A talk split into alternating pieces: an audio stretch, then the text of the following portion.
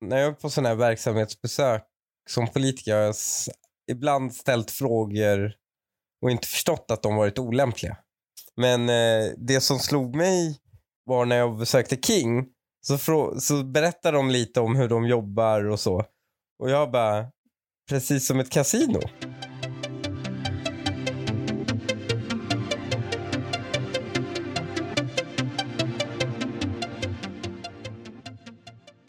Kom ihåg att vi bestämde oss för att blanka Tesla.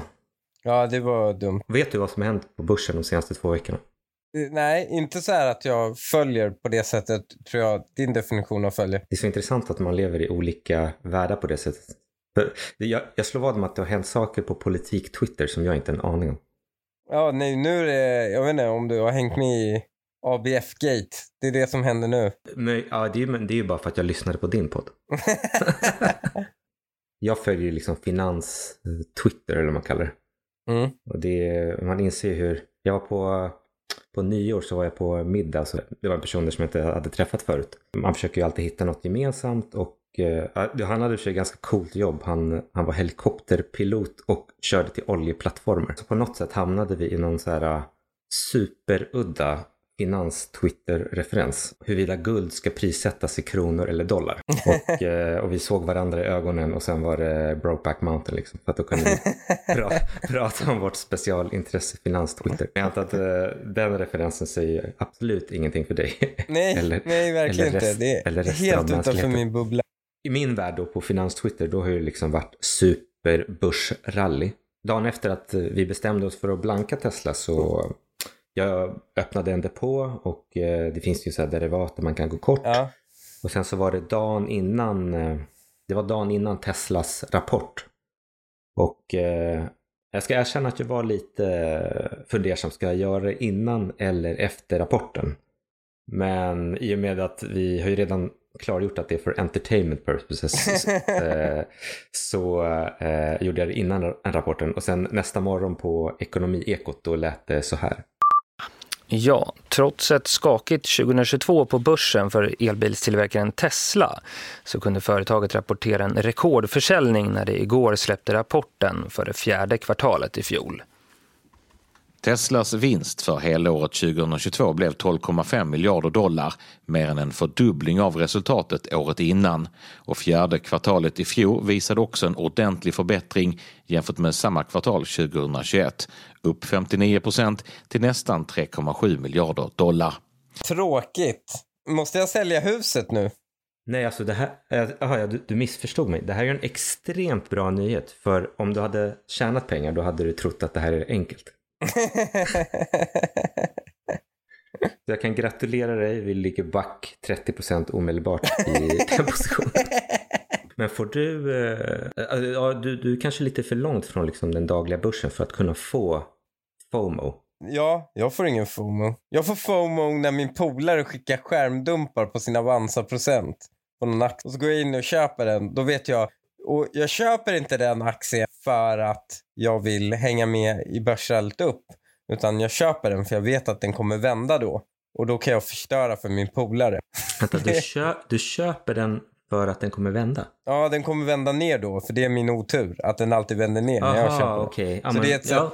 Man ska aldrig låta sin egen olycka stå i vägen för en olycka man kan åsamka någon annan. Alltså hittills har vi ju 100% eh, statistiskt underlag för att man ska vara contrarian mot dig.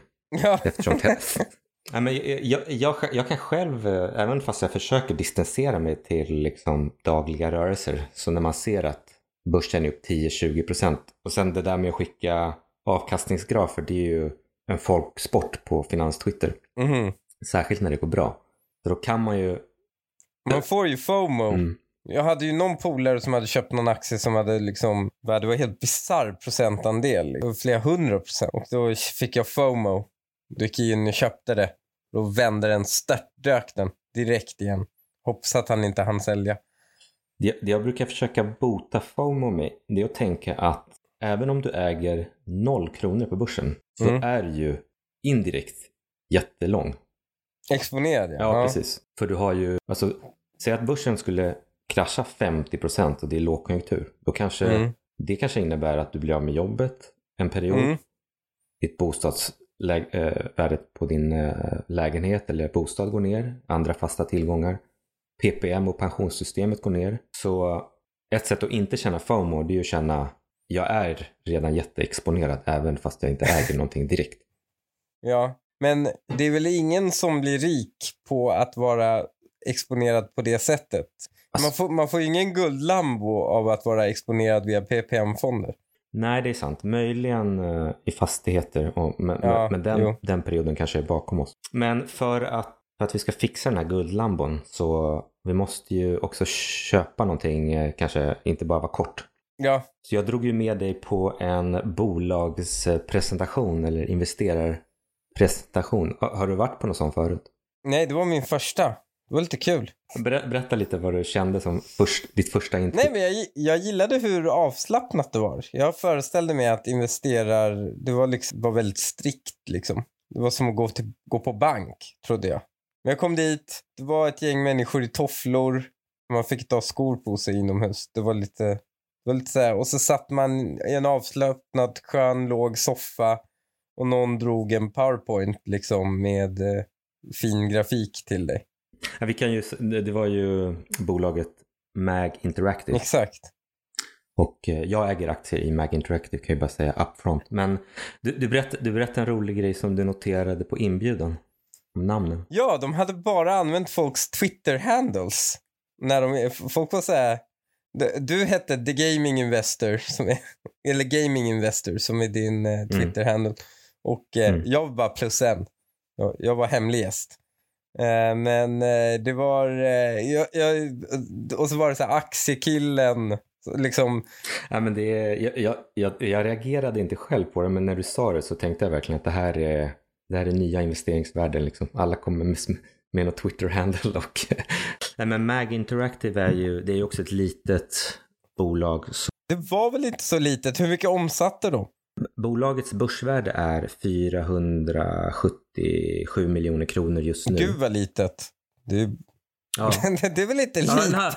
Ja, du tyck... ah, okay, jag trodde du menade att du tyckte att det, det var litet. Det är jättestort inom... för ett bolag som jag precis bara klampade in på, på Drottninggatan. Ja, nej, jag, alltså på börsen så är ju det på, på börsen, även på svenska börsen, ja. anses det ganska litet. Det där är ganska roligt för om man kollar på typ så här, om man kollar på amerikansk microcap-fond, då är typ deras definition på microcap är typ 10 miljarder kronor. Men det var kul att se, det var kul att se eh, hur de tänkte. Alltså, för det var det de gjorde mobilspel. Alltså, eh, de, de är kända för typ eh, eh, nya Quizkampen, Razzle. Hade du spelat något av deras spel? Eh, lite så.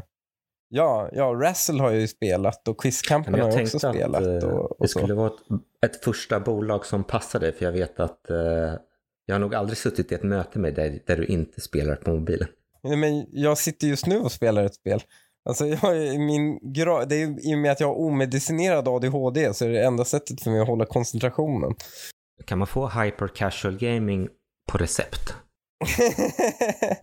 Men eh, problemet med eh, deras spel är ju att eh, den är inte lika mycket eh, det går inte, det är inte lika mycket autopilot. De har ganska kognitivt utmanande. Man måste vara koncentrerad väldigt mycket på deras spel.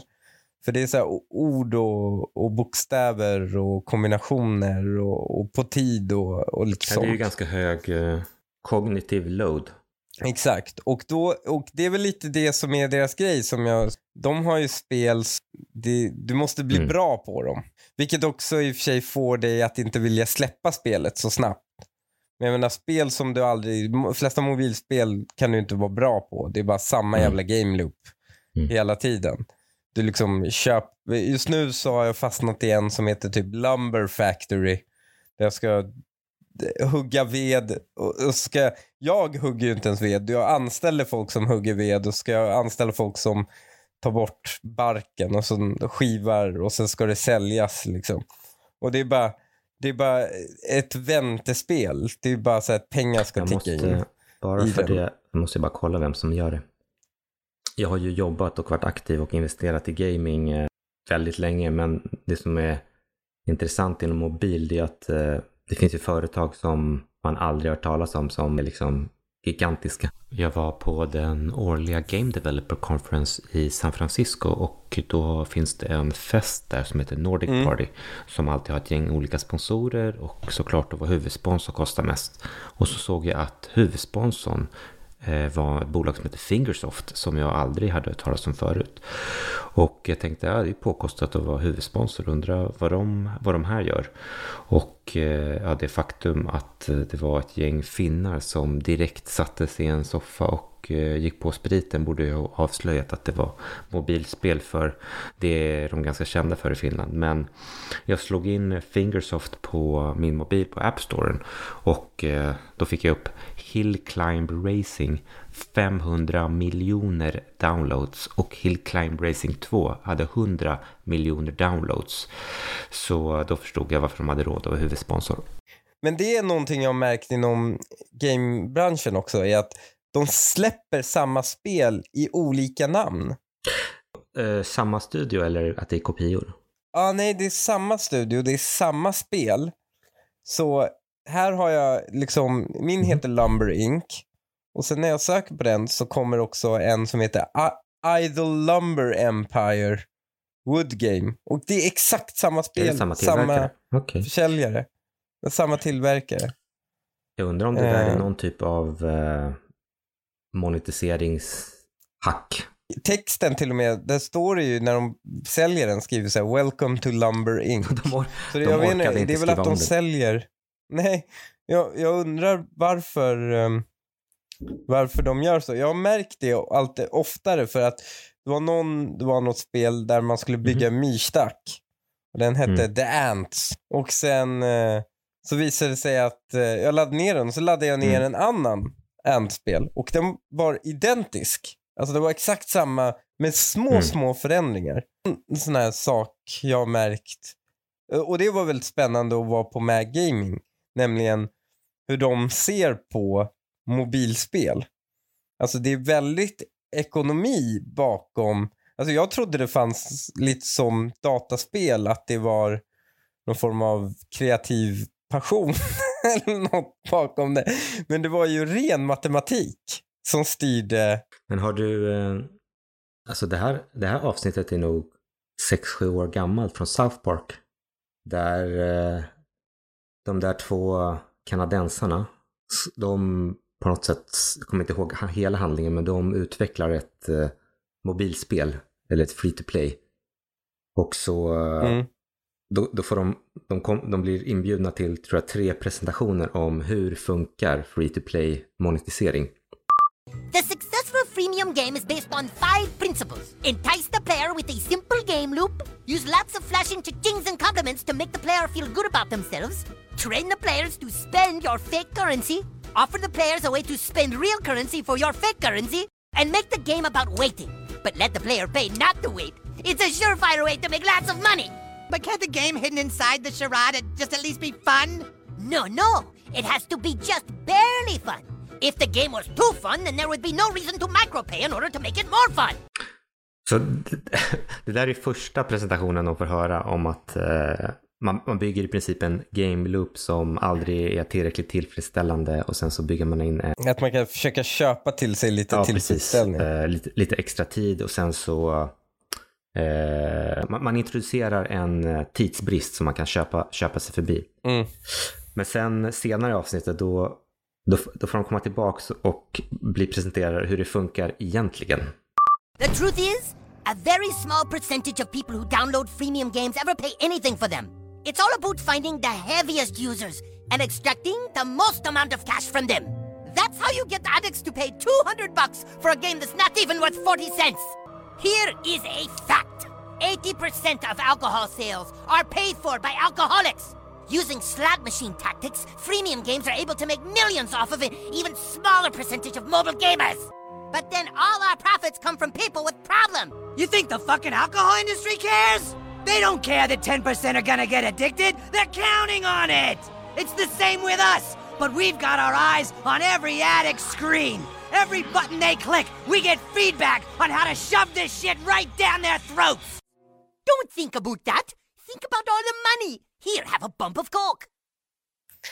det här påminner, jag, jag var, fan det måste varit evighet sen så var jag och besökte Mm. King. Jag ställer ibland, när jag är på sådana här verksamhetsbesök som politiker, har jag s- ibland ställt frågor och inte förstått att de varit olämpliga. Men eh, det som slog mig var när jag besökte King, så, så berättar de lite om hur de jobbar och så. Och jag bara, precis som ett kasino. Och då blev de så jävla nervösa. Alltså det blev, jag har aldrig sett en sån nervositet hos några. Det, var så, så, det kändes som världens mest olämpliga fråga. Eh, och ju mer man gräver i den här freemiummarknaden som finns av de här, desto mer liknar det ju bara rent kasino. Det är ju, det, det är ju... Eh, ja, dels ska jag disclosa att jag sitter ju också i styrelsen för eh, ett mobilspelsbolag, So- SOSAB, som dessutom är börsnoterat. Så det här är lite av mitt specialintresse. Men om man, om man bara tar ett steg tillbaka, kommer du ihåg hur det var på iPaden när den kom, spelen? Ja, de var skitsnygga. Jag kommer ihåg, det fanns ett spel som heter Osmos. Mm. Jag kommer ihåg att jag spelade det första gången. Och jag bara jävlar vilken Så grafik ihåg- liksom. Två eh, release-titlarna var ett från Electronic Arts där man var en sån här ninja Mm. eh, som springer. Det var också Mm. skitcoolt. Och sen så var det, det fanns ett 2D-rymdstrategispel som jag spelade mycket. Mm. Det var liksom när modellen fortfarande var ta betalt för spelet upfront. Jag, vet du vad jag är provocerad över? Att jag inte hittar några sådana bra, bra sådana spel. Alltså jag bara så här, letar efter någonting som inte är gratis. Som vill ha 65 kronor från mig. För det är ungefär vad jag är redo att betala Nej, också. utmaningen är ju att uh, studiorna som tillverkar spel måste anpassa sig till marknadsförhållanden. Jag tror många Mm. skulle vilja göra högkvalitativa mobilspel utan eh, bara fokus är att det ska vara bra gameplay, inte bra monetisering. Men Mm. under eh, vad- så som App Storen har utvecklats, du Mm. kan i princip inte få visibilitet för ett bra spel. Det är jättesvårt att nå ut till eh, eh, din marknad. Och, eh, därför blir det bara en typ av eh, spelmodell som blir allt mer dominerande. Ja, men det är ju väldigt tydligt för att det var väldigt länge sedan något spel blev viralt. Sist var det typ Flappy Birds. Ja, som, ja, som blir sist- viralt på den nivån. Det, blir, det händer ibland att vissa spel Mm. får någon organisk uplift eller att de har hittat ett, en Mm. bra, ett bra sätt att nå ut på till exempel TikTok. Men det är... Alltså om man tar till exempel poddvärlden, där är det... Vi får väl se, men jag tänker om, om man har bra, en bra kvalitativ produkt så kommer du få organisk eh, growth utan att behöva lägga jättemycket Ja. på marketing. Mm. Men, på mobil är det ju i princip, eh, det, du har i princip inga kunder eh, om du inte lägger marketing. Nej. Det, Nej men ja, jag tror det senaste spelet jag betalade för det var väl att jag la just 65 kronor Mm. på typ Diablo. Immortal. Men den har ju, de har ju så starkt varumärke att de kan ta betalt 65 kronor och köra ner hela den här jävla Mm. freemium-skiten i halsen på dig. Jag tror jag räknade, jag tappade räkningen, jag tror det finns sex olika valutor i spelet. Eh, och det är ju oerhört bra gjort, det är ju underhållande, jag fastnar ju för det. Liksom, så här. Och många av de här spelen är ju bra gjorda i form av att man fastnar för dem.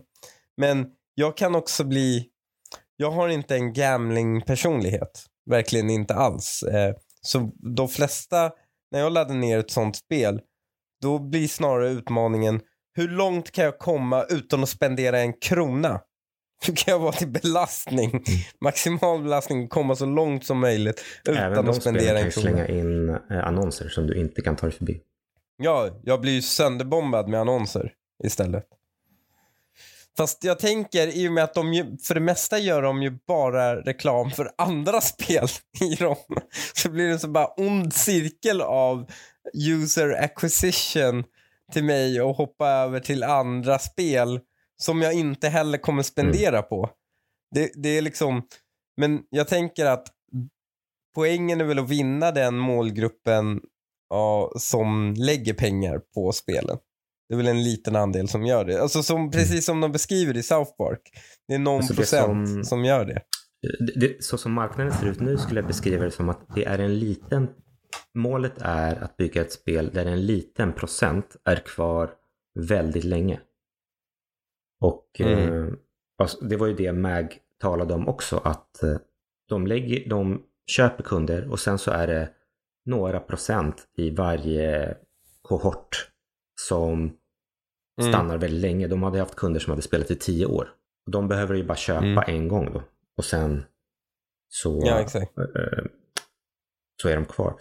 När, när jag investerade i SoSab för första gången, det var långt innan de börsnoterades, så både jag Mm. och eh, vdn Rade har väl gjort en resa där, där man kanske den initiala magkänslan för, för första spelet som SoSab gjorde, det var, skulle jag säga, ett ganska kvalitativt bankrånarspel för att man såg att det fanns ingen sån eh, på App Storen. Och sen när man tittade på spel med liksom det här bankrånarspelet, du, liksom, du har massor med vapen, det är, det är liksom grafik, och det, det är avancerat att bygga. Och sen så ser det något Mm, mm. som på ytan ser väldigt grafiskt och enkelt ut. Om vi tar till exempel Candy Crush. Så tjänar de en, Mm. i, eh, kanske 5000 gånger mer. Och då i Mm. början kan man tänka sig, ja men varför lägger folk pengar på de här skitspelen liksom? Men då var det, då var det en kille på som bolaget hade anställt som var från en annan studio. Så sa han så här, men det finns, det, det- finns, du kan inte säga, det finns inget skitspel, det finns bara liksom funkar eller funkar inte.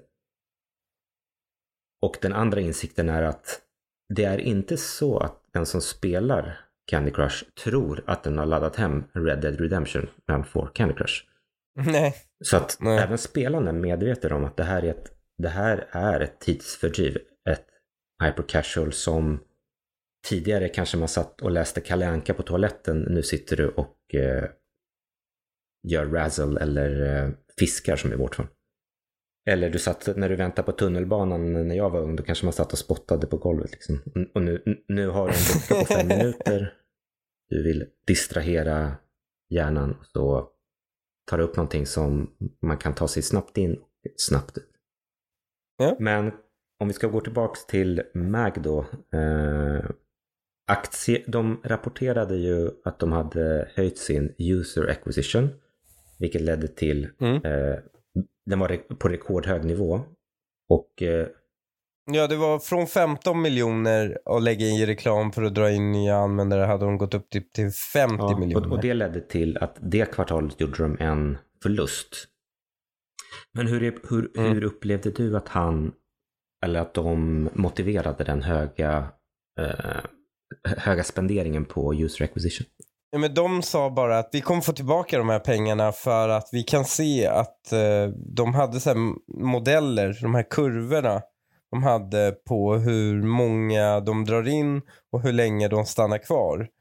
Ehm, så visade det sig att det är högkvalitativa, så att säga, en högkvalitativ kohort de har rekryterat. Så de kommer få tillbaka pengarna på sikt. Ehm, men eh, det kommer ju ta lite längre tid i och med att de har lagt mer pengar helt enkelt. Så de har valt att skala upp sin verksamhet bara. Så som, så som de beskriver det, blev du, skulle du vara positiv eller negativ till aktien? Ja, men de beskrev det som att marknaden reagerade negativt nu, men det i grund och botten var något positivt. Att de kommer göra ett, liksom, de, jag vet inte om de sa specifikt det, men de trodde att de skulle göra bra med stålar om typ två, tre kvartal. De har ju haft spel ute i marknaden i, vad är det, mer än tio år. Ja, Och så som jag uppfattar att han beskriver det är att när de får in en ny användare så kan de se den användarens beteende. Och jag vet inte vilka parametrar de tittar på men det kan ju kanske vara hur länge de spelar, hur lång tid det tar innan de lägger pengar i spelet, spelar de dag ett, spelar de dag två. Och baserat på den här datan, den här korta datan, så kan de kolla i sin historik och så kan de ha en väldigt bra prediktion redan. Kommer den här användaren vara Mm. lönsam eller inte? Och när de ser att de får in många sådana användare, då lägger de mycket på marketing. ja. Och om vi förutsätter att det är, är korrekt, då, då är det ju det man vill att... Bo, när, när, när bolagets alla modeller säger nu är det rätt läge att lägga pengar på marketing, då Mm. tycker jag att ja, då är det svårt att säga, nej men nu ska ni vara lite återhållsamma för modellen kanske är fel. Nu ska jag se om jag använder lingot. Presentationen fick mig att gå lång. Helt enkelt. Alltså jag ville gå lång Ja, du, köp, på det. du köpte du eller mentalt? Alltså jag, Okej, ja, men då Mentalt. kan vi min, vår fiktiva, eller inte fiktiva, vår depå som är öppnad så kan vi gå in och köpa. men någonting Mhm. fick mig att tänka. Är att, men om marknaden inte Mm. har förstått det. Vad är poängen för mig att köpa det nu? Då betyder det att marknaden kommer uppfatta det här om ett par kvartal när de här pengarna kommer tillbaka. First level thinking, det är ju så här, äh, ja vi ska in och köpa aktier nu för att tror på det de sa Mm. och presentation och, och eh, de gör bra UA. Sen då är man kanske inne på Mm. någon sorts eh, second level är ju okej men, men det spelar ingen roll att jag, jag tänker så om marknaden inte tänker så. Och då är det liksom när Mm. kommer marknaden att tänka så? En av mina bästa investeringar det var ju ett bolag i Storbritannien som heter Frontier Developments. Det här var massor med år sedan. De gjorde ett spel som hette Elite Dangerous. Med en rymdsimulator. Och eh, bolaget var totalt okänt. Eh, det handlades på någon jätteliten lista i UK. Och så eh, noterade jag att de hade ett nytt spel på gång. Kunde se det på liksom Steam, eh, att det fanns, att man kunde wishlista det. Som hette Planet Coaster. Har du spelat det? Ja. Man bygger rollercoasters. Jag tyckte det var så udda för de, de var kända för det här rymdsimulatorspelet. Och, och vdn Mm. David Braben, han hade utvecklat eh, Elite Dangerous, tror jag, första versionen kom typ 86. Och, Ja, det Elite är ju känt. och, och Det är ett starkt det som varumärke. intressant var att de redan i första spelet så hade de procedurell byggd rymd. Och det var för att det skulle få plats på en Mm. diskett. Men det har de fortsatt Mm. med sedan dess. Men oavsett, jag tyckte det var märkligt. Varför ska de göra ett rollercoaster-spel? Och då, då ringde jag till bolaget. Och eftersom det var så litet och okänt så blev jag kopplad till vdn. Eh, David Braben. eh, och han är lite, han har, han har typ skapat Raspberry Pi och han är lite av en legend. Mm. Eh, så sa jag men Planet Coaster som ni gör, det är ju otroligt konstigt för inte ni specialiserade på rymdsimulatorer. Och då sa han så här, Mm. nej men vi har varit understudio till Atari i typ tio år och gjort Rollercoaster Tycoon-serien. Ah. Och så sa han så här, ja men Atari har aldrig riktigt låtit oss göra som vi vill. Vi kan, vi kan den här Mm. målgruppen extremt bra. Vi vet att det är minst 20 miljoner worldwide som eh, köper det här spelet. Och nu har vi slagit, Bland annat jag. Ja. Jag var en av dem. och nu med Steam som var nytt då, så kan vi publicera själva. Vi, behöver, vi behöver inte Mm. sälja i butik. Och eh, jag tyckte det, det liksom, om man räknade runt det där liksom hur stort det spelet kunde vara, så var aktien fruktansvärt eh, billig. Det var nästan så att jag kände att jag, det var det där läget där man så här, förstår jag den här aktien bättre än vdn? För han tror inte jag har förstått liksom vad som kommer hända här när det här kommer ut. Men Mm. nästan som man kände att man var, hade så insiderinformation. Men eh, det var ju publikt. Men då var mitt andra problem, det är bara jag som kände till det. Och det var, Mm. då, det var då jag tänkte så här, hur ska jag få ut information om det här? Jag, jag tankade ju aktier själv då, men jag tänkte så här, jag, jag vill att folk ska veta det här. Det var då jag skapade Gaming Investor hemsidan och mitt Twitterkonto. För Mm. att, eh, och jag skrev, en, jag skrev typ en rapport själv om det här bolaget. Och, eh, jag försökte, försökte liksom sprida nyheten. Sen, ja, den, jag, tror, jag tror, det var också kul för att i den analysen så skrev jag typ, ja, men jag tror att aktien kan tredubblas på det här. Och, och, och det kändes också sjukt, att tjäna tre gånger pengarna. Och jag tror att Mm. aktien 20-dubblades sen. Och jag Jävlar. typ sålde efter 10-dubblingen. Men för att göra en lång historia kort, absolut, det är också så här, du har en åsikt men om bara du har den så, så är det inte så bra. Men, om, men det beror ju på så att säga hur mycket som är Mm. sanna förhållanden. Om det är så, alltså det, det- det var ju en objektiv sanning så att säga att Coaster, den här Coaster, Plant Coaster hade en stor marknad, inte så mycket konkurrens och de visste vad de sysslade med. Och, eh, men det var ju en, det, det är ju så att säga en sanning, men det var en sanning som så att säga en bred allmänhet eller aktieägare inte hade Mm. upptäckt än. Och det är väl, det är väl en sund investering då. För förr eller senare kommer folk upptäcka det, för den kommer ju sälja liksom. Det, det är sant, att, eh, men man vill ju alltid att det ska ske snabbare. Jag, jag tror jag var först på hela Avanza att, eh, att handla i den aktien. Men det Mhm. som, nej men, och, men tillbaks till eh, Mag Interactive, då, och- om man 100% köper, de har, de har gjort 50 miljoner i kundanskaffningsinvesteringar och deras modell Mm. säger att eh, det här ska, åt- kommer inte ihåg om det var, över, om det var så, över tre år ska det dubblas. Eller ska det Ja. vara 200% return? Exakt. Eh, sen är det såklart, det, det, han, det han säger är också att det, hur- det kommer se ut nästa kvartal, det har, han ing, det har han ingen aning om för att det är en modell som styr hur mycket han lägger i user acquisition. Mm. Så det är såklart att okej, den här kohorten de köper in nu, den kanske blir jättelönsam, men eh, men förhållandena i, market, i marknaden kanske förändras så att det inte blir lika gynnsamt för dem att köpa användare. Men pro problemet, alltså det jag tycker är, i och med att det är ju liksom inte en slump, i alla fall så när jag ser på det, det verkar inte vara en slump hur mycket vinst de gör, för du kan bara backa tillbaka enligt deras modeller till när de gjorde UAn, nämligen hur många användare det som flödar in. Och då kan man ju se hur mycket deras tillväxt kommer bli. Ja, precis. Om man tror på att, mod- Deras att modellen modell. håller. Men det är väl det man vill att eh, det är, väl, det är väl det man vill att ett sånt här bolag ska göra när de ser.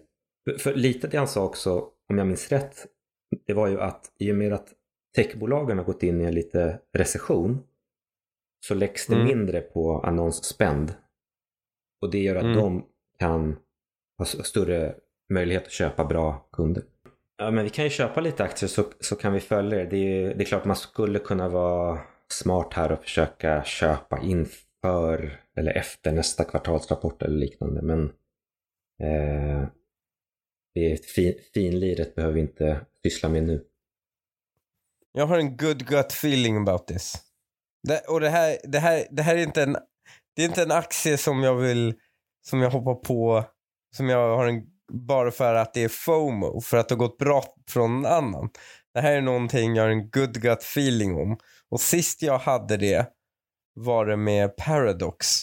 Och det betalade min bil. Men ingen guldlambo ändå. Det var ingen guldlambo, det var en Golf GTI. Så det, men det är liksom nästa steg. Det kanske betalar en Audi nästa Hur- gång. och Hur, hur hittade du in i den aktien och hur var din resa där? Ehm, det var bara... um, jag, jag pratade med vdn faktiskt. Och bara, ja hur känns det? och, så, och han gav ju ingen info mer. Jag var, jag var där på besök eh, med, jag tror det var arbetsmarknadsutskottet. Och sen så pratade han om eh, liksom hur de jobbade, vad de hade för liksom arbetskraftsbrist och lite såna grejer. Och sen så var jag där och, och liksom och så pratade de om, om eh, vilka spel de specialiserade sig i och vilken liksom, målgruppen var. Och då kände jag att ja, men, i ett sånt här läge, när de, alltså de, det blev för uppenbart för mig att de hade en väldigt lojal målgrupp. Spelar du deras spel? Nej, jag spelar inte deras spel, men jag vet de som spelar dem. Och alla är exakt samma typ liksom. Det är ju det här brädspelsnördarna som har evolvat. Det är den psykologin som har evolvat till att spela de här spelen. Och de är otroligt lojala. Eh, och de nördar ner sig väldigt mycket. Så det är ju svåra spel att börja med. Och det är därför jag aldrig själv hoppat på dem. För de är väldigt, väldigt svåra att börja med. Det är hög tröskel eh, för de spelen. Men sen skapar det väldigt lojala spelare. Och det var också under en tid där liksom DLC var det viktigt att få lönsamhet i. Och om du har väldigt, då tänkte jag bara, om du har väldigt lojala spelare, det är en hög tröskel, du spelar, lägger många timmar på det, då är du mer benägen att köpa en DLC. Och det är väldigt hög lönsamhet på de här extra paketen, DLC-erna. Ja, jag, jag gillar verkligen det bolaget. Eh, Jag, eh, jag var i Ungern här veckan och satt i en taxi och så fråg, eh, var på väg till flygplatsen frågade han vart jag Mm. skulle så sa jag Sverige. Och då sa han så ah Paradox. Och så sa han så men jag spelar liksom ditten och datten av, eh, av Paradox-spelen. Sen så fortsatte jag prata gaming med den chauffören och apropå Frontier så eh, på något sätt så jag frågade om han hade spelat deras senaste F1 Manager-spel. Och han bara, Mm. och jag har spelat Planet Coaster och jag har spelat Elite Dangerous. Jag bara, alltså, du får person, vet du få personer som vet att den här studien har gjort de här tre titlarna. Eh, så jag funderar, jag bara, ja, men den här killen ska anställas som gaming-analytiker. Också när han sa att han har spelat flera Paradox-spel så tänkte jag, han måste vara singel. Han såg ut att vara typ 40-årsåldern. Men F1 Manager hade han fått i julklapp av sin fru. Så att, eh, Och har tid att köra ja, taxi. exakt. Nej, men det var, det är ändå inte ett jobb man kan så att nej, jag var säga. väldigt eh, imponerad. Som sagt, jag måste åka tillbaka och hitta honom och så ska han bli Bo, bara stå och Men boka jag, det taxi. jag gillar med Paradox, det är att den nischen de har, det som är så fint med den, det är ju att de, deras kunder kommer aldrig gå ut och säga att ah, men det här spelet sök för det var inte 60 FPS. Eller att det var inte Nej. var grafik, utan eh, de må, måste bara återskapa eh, den här strategikänslan och är inte så beroende, eller ska man säga, det blir inte så svårt för dem när det kommer nya, nya generationer av konsoler och man måste uppgradera grafiken. Hade, vad, när du sålde, fick, var det så här, nu behöver jag pengarna till en bil eller var det att nu har det gått upp mycket? Nej, det var nu, behöver- nu tar jag ut pengarna för jag ska köpa bil. Eh, så i och med att jag, det har jag ju väldigt svårt för. Alltså det, det borde vi prata om. När ska man fucking sälja? Eh, det är ju, det, det vet jag inte. Man vill ju inte vara det vi pratade om förut, story-investeraren som aldrig säljer. Jag brukar tänka, bolag, ja, man anser att bolaget är undervärderat. Man ser Mm. någonting som kommer få den att uppvärdera. Det, om Mm. det inträffar och sen så har man en uppfattning om när den här uppvärderingen är klar. Eh, Sen till Mm. exempel i Frontier så var det ju, gav jag ju bort liksom 100% för tidigt men eh, det, det är svårt att vara supermarket time. Nu pratar vi om när man ska köpa. För det är ju det MAG handlar om. De, de, men det jag inte förstår, varför är det så viktigt för dem att hålla sina aktieägare glada? Jag menar om de är undervärderade men de kommer leverera i alla fall. Då kommer ju aktiekursen korrigera sig senare. Ja, men är du på börsen så följer det att du vill ha en hög värdering och en bra kurs. Du har eh, anställda som har optioner. Eh, sen som Mm. investerare så investerarna kanske också tänker om du eh, avkastning per tidsenhet. Om jag Mm. investerade för ett år sedan och det tar två år för pengarna dubblas istället för ett år så eh, är det sämre för min return on investment. Mm. Jag tänkte innan vi avslutar gripa tillbaks till ett tid, vårt tidigare avsnitt om frauds. Mm. Egentligen det första, ett första beslut man ska fatta innan man gör en investering det är är jag säker på att det här bolaget inte är en fraud och inte kommer försvinna och eh, hur mycket fraud kan det vara? Hur- Vad hade du för känsla där i MAG? Jag hade väldigt låg fraud meter. För att deras, alltså det känns som en fraud eh, är bättre på att sälja in bolaget än, än vad den drar in i riktiga pengar för att den säljer produkter. Och de, deras problem verkade vara tvärtom, nämligen att de tyckte att bolaget eh, De sålde mycket mer så att säga. De hade mycket mer pengar på ingång än vad folk än vad, eh, så att säga. Och de ville verkligen bara ha råd om hur kan vi berätta till folk hur vår affärsmodell ser ut. Ehm, Nej, jag håller med. så, jag, så, så jag fick en väldigt låg fraud meter. Nej, jag håller med att eh, dels ju vdn känns ju väldigt återhållsam. Och sen Ja, det är väldigt lätt att kontrollera att de faktiskt har de här spelen som det finns minst sex eller sju olika tjänster som du kan gå in och kolla var ligger de i topplistan och Ja. så vidare. Det, det enda man kan då det, man kan säga att det är liksom resultaträkningen blir typ missvisande skulle man kunna säga åt andra hållet. Om man skulle säga man får inte göra så redovisningsmässigt men om man skulle säga de här annonspengarna som vi lägger idag de ska återbetalas över två år. ja då blir det en investering. kunna, och han sa ju det att det är så de tänker internt. Att den här investeringen skrivs av över två år. Men Ja. resultaträkningen, då måste du visa den nu och då blir det en jätteförlust i det kvartal som du skalar upp.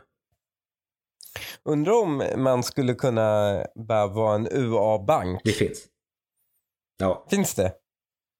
Det, det, det måste, du må, ja, du, det är ju du, smart. du visar dem din eh, data eller, eh, du, eller jag tror Ja. att du ger dem access till ditt backend-system och så ser de att okej, ja, Mm. men vi ser liksom, ja, du har return investment och så. Och så lånar de ut pengar till dig. Men då räknas, då räknas det ju inte heller, räknas det som en investering, då gör det ju inte heller i din resultaträkning. Jag undrade om man kunde så att säga ändra, komma runt det här att du inte får, idag får du ju inte se UA som en investering. Du får inte redovisa det som en Jag investering. tänkte faktiskt på det här att, så här, mm, att, att, att man skulle ha som en... eh, Det måste ju vara någon kapitalinvestering.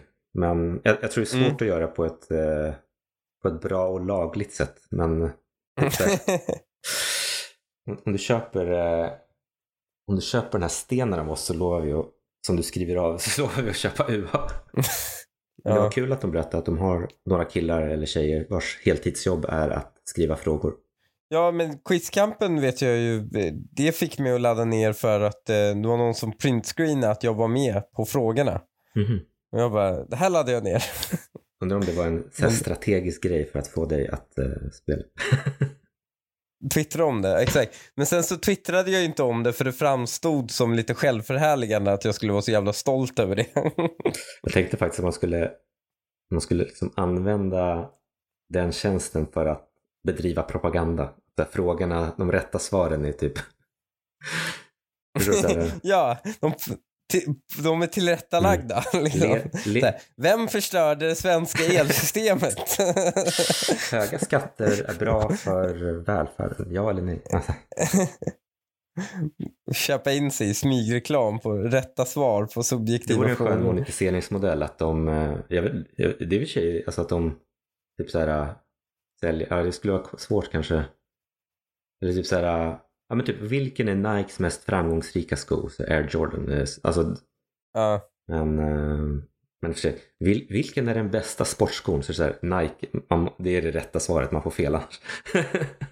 Ja, men det vore en intressant monetiseringsmodell. Men jag tror, eh, på Mag säger jag, eh, jag tror på det. Jag tror på dem. Men jag tror också på att bästa tillfället att köpa, det är väl mellan, det är väl om ungefär två, tre kvartal jag skulle tro att det är det bästa läget att köpa. Om de håller upp sin väldigt höga spänn på UA. Nu är då frågan, vår data säger att man ska gå tvärt emot det du säger. Ja, Men frågan är, så köp Ja, nu. Andra, exakt, köp nu. Alla andra får chansen att köpa nu. svar. Ja. Men jag tänker så här, vi får hoppas att den här podden inte blir för stor för att då kommer ju den här, då kommer ju marknaden veta ju. Då är ju ingen hemlighet, då har vi suttit och pratat om det. Som sagt, jag äger ju redan aktien sedan tidigare. Men det är ingenting, eh, det är Ja. någonting som jag bara kan säga. Och eh, Man måste bara vara öppen och tydlig med det, Ja. så folk kan sen värdera kan vi ju, eh, vi kan ju se till att avsnittet är ute innan man köper. Även om det vore, det vore sjukt om vi var marknadspåverkande.